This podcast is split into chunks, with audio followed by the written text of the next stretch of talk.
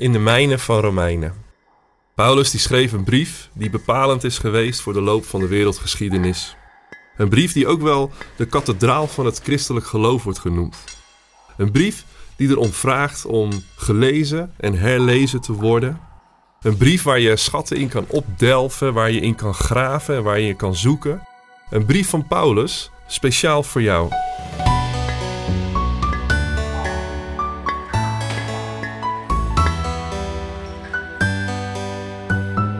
We gaan in deze podcast mijnen in Romeinen.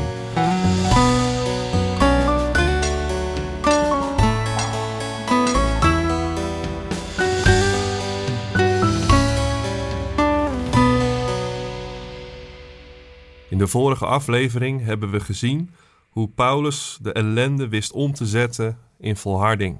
Vandaag pakken we de draad op in Romeinen 5 en lezen we vanaf vers 12.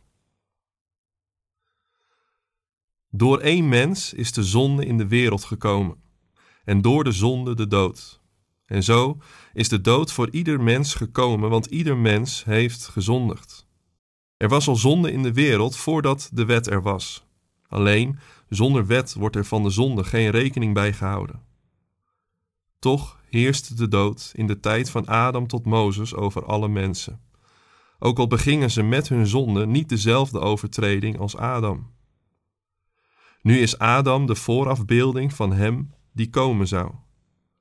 Maar de genade gaat zijn overtreding verre te boven. Door de overtreding van één mens moesten alle mensen sterven, maar de genade die God aan alle mensen schenkt door die ene mens, Jezus Christus, is veel overvloediger. Dit geschenk gaat het gevolg van de zonde van één mens verre te boven. Want die ene overtreding heeft tot veroordeling geleid, maar de genade die na talloze overtredingen geschonken werd, heeft tot vrijspraak geleid. Als de dood heeft geheerst door de overtreding van één mens, is het des te zekerder dat allen die de genade en de vrijspraak in zo'n overvloed hebben ontvangen, zullen heersen in het eeuwige leven, dankzij die ene mens, Jezus Christus. Kortom, zoals de overtreding van één enkel mens ertoe heeft geleid dat allen werden veroordeeld, zo zal de rechtvaardigheid van één enkel mens ertoe leiden dat allen worden vrijgesproken en daardoor zullen leven. Zoals door de ongehoorzaamheid van één mens alle mensen zondaars werden, zo zullen door de gehoorzaamheid van één mens alle mensen rechtvaardiger worden. En later is de wet erbij gekomen, zodat de overtredingen toenamen, maar waar de zonde toenam, werd ook de genade steeds overvloediger. Zoals de zonde heeft geheerst en tot de dood heeft geleid, zo moest door de vrijspraak de genade heersen en tot het eeuwige leven leiden dankzij Jezus Christus, onze Heer.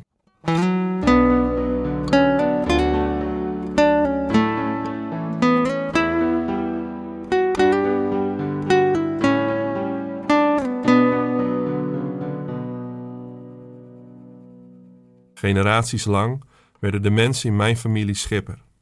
Naar het schijnt was ik de vijfde generatie die het varende leven voortzette. Mensen verklaarden dan nog wel eens dat het in mijn bloed zat. Ik heb dat echter zelf nooit zo gezien. Ik vond en vind het gewoon een prachtig mooi vak. Kan er iets in je bloed zitten? Kunnen verre voorouders een doorslaggevende invloed hebben op jouw heden? Het is een bijzonder actuele vraag. Denk hiervoor bijvoorbeeld aan het slavernijverleden van veel Nederlanders die tot op de dag van vandaag daarin verlangen naar excuses van de Nederlandse overheid voor datgene wat hun voorouders honderden jaren geleden al is aangedaan.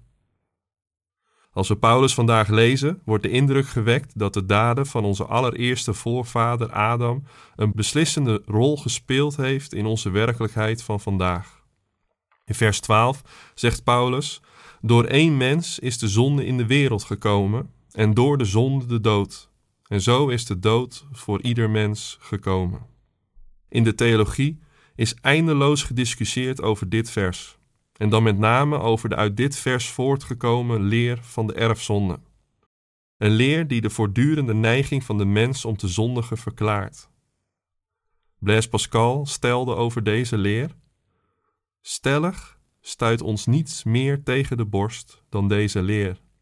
En toch, zonder dit mysterie, het meest onbegrijpelijke van alle, zijn we onbegrijpelijk voor onszelf.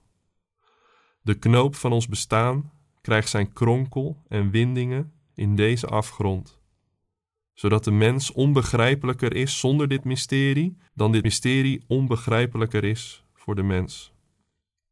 De zonde van Adam heeft met de woorden van Pascal dan een soort magische neiging veroorzaakt naar het kwaad. Vanuit de voortdurende participatie van de mens in de chaos van de wereld lijkt erfzonde daardoor wel een plausibele verklaring te zijn. En toch is er met name vanuit de doperse hoek ook heel veel verzet geweest tegen deze gedachte. Het zou de mens namelijk een verontschuldiging kunnen geven voor zijn daden.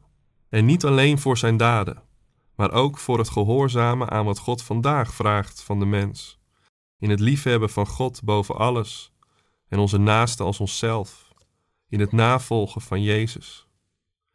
De herhaling van Paulus in dit vers van wat hij eerder zei, namelijk dat ieder mens gezondigd heeft, maakt al duidelijk dat iedereen verantwoordelijk is voor datgene wat hij of zij doet.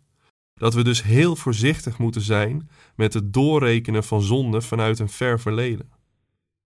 Ezekiel stelt in dat kader bijvoorbeeld dat een zoon niet hoeft te boeten voor de zonde van zijn vader.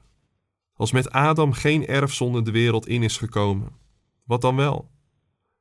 Het antwoord is vrij simpel: de dood. De gevolgen van de zonde van Adam zijn daarmee gigantisch.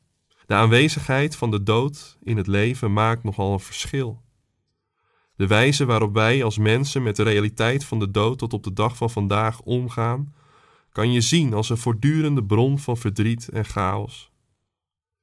Maar de realiteit van Adam heeft niet het laatste woord gekregen in de geschiedenis van de mens. Er is een nieuwe Adam gekomen, Jezus Christus. Paulus stelt de oude Adam en de nieuwe Adam tegenover elkaar om het wonder van het evangelie te verduidelijken, niet om de ellende van de mens te verklaren. De genade van de tweede mens, van Jezus Christus, gaat de overtreding van de eerste verre te boven, zegt Paulus. Op die manier wordt de ellende om ons heen, voortgekomen uit de eerste Adam, het bewijs van het goede dat komt uit de tweede Adam. Dat is dan ook precies de reden dat we zo enthousiast mogen zijn over deze nieuwe Adam. Jezus Christus heeft met zijn dood genade, vrijspraak en een eeuwig leven gegeven. Dit laat onverlet dat ook onze verre voorouders van invloed kunnen zijn op ons heden. Hun armoede of hun rijkdom heeft generaties lang de mogelijkheden bepaald. De wijze waarop met elkaar omgegaan is in het verleden kan generaties lang zijn uitwerkingen hebben, het zij positief, het zij negatief. We moeten de invloed van de schouders waarop we staan niet onderschatten. Ze hebben mede vorm gegeven aan jouw identiteit. Maar we moeten er niet iets magisch van maken.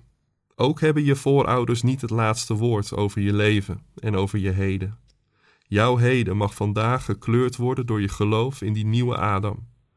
Jouw leven mag gevormd worden door het goede nieuws, dat je door het geloof deel uit kan maken van de nieuwe schepping en kan participeren in de nieuwe wereld van God. Ik wens je daar van harte God zegen toe.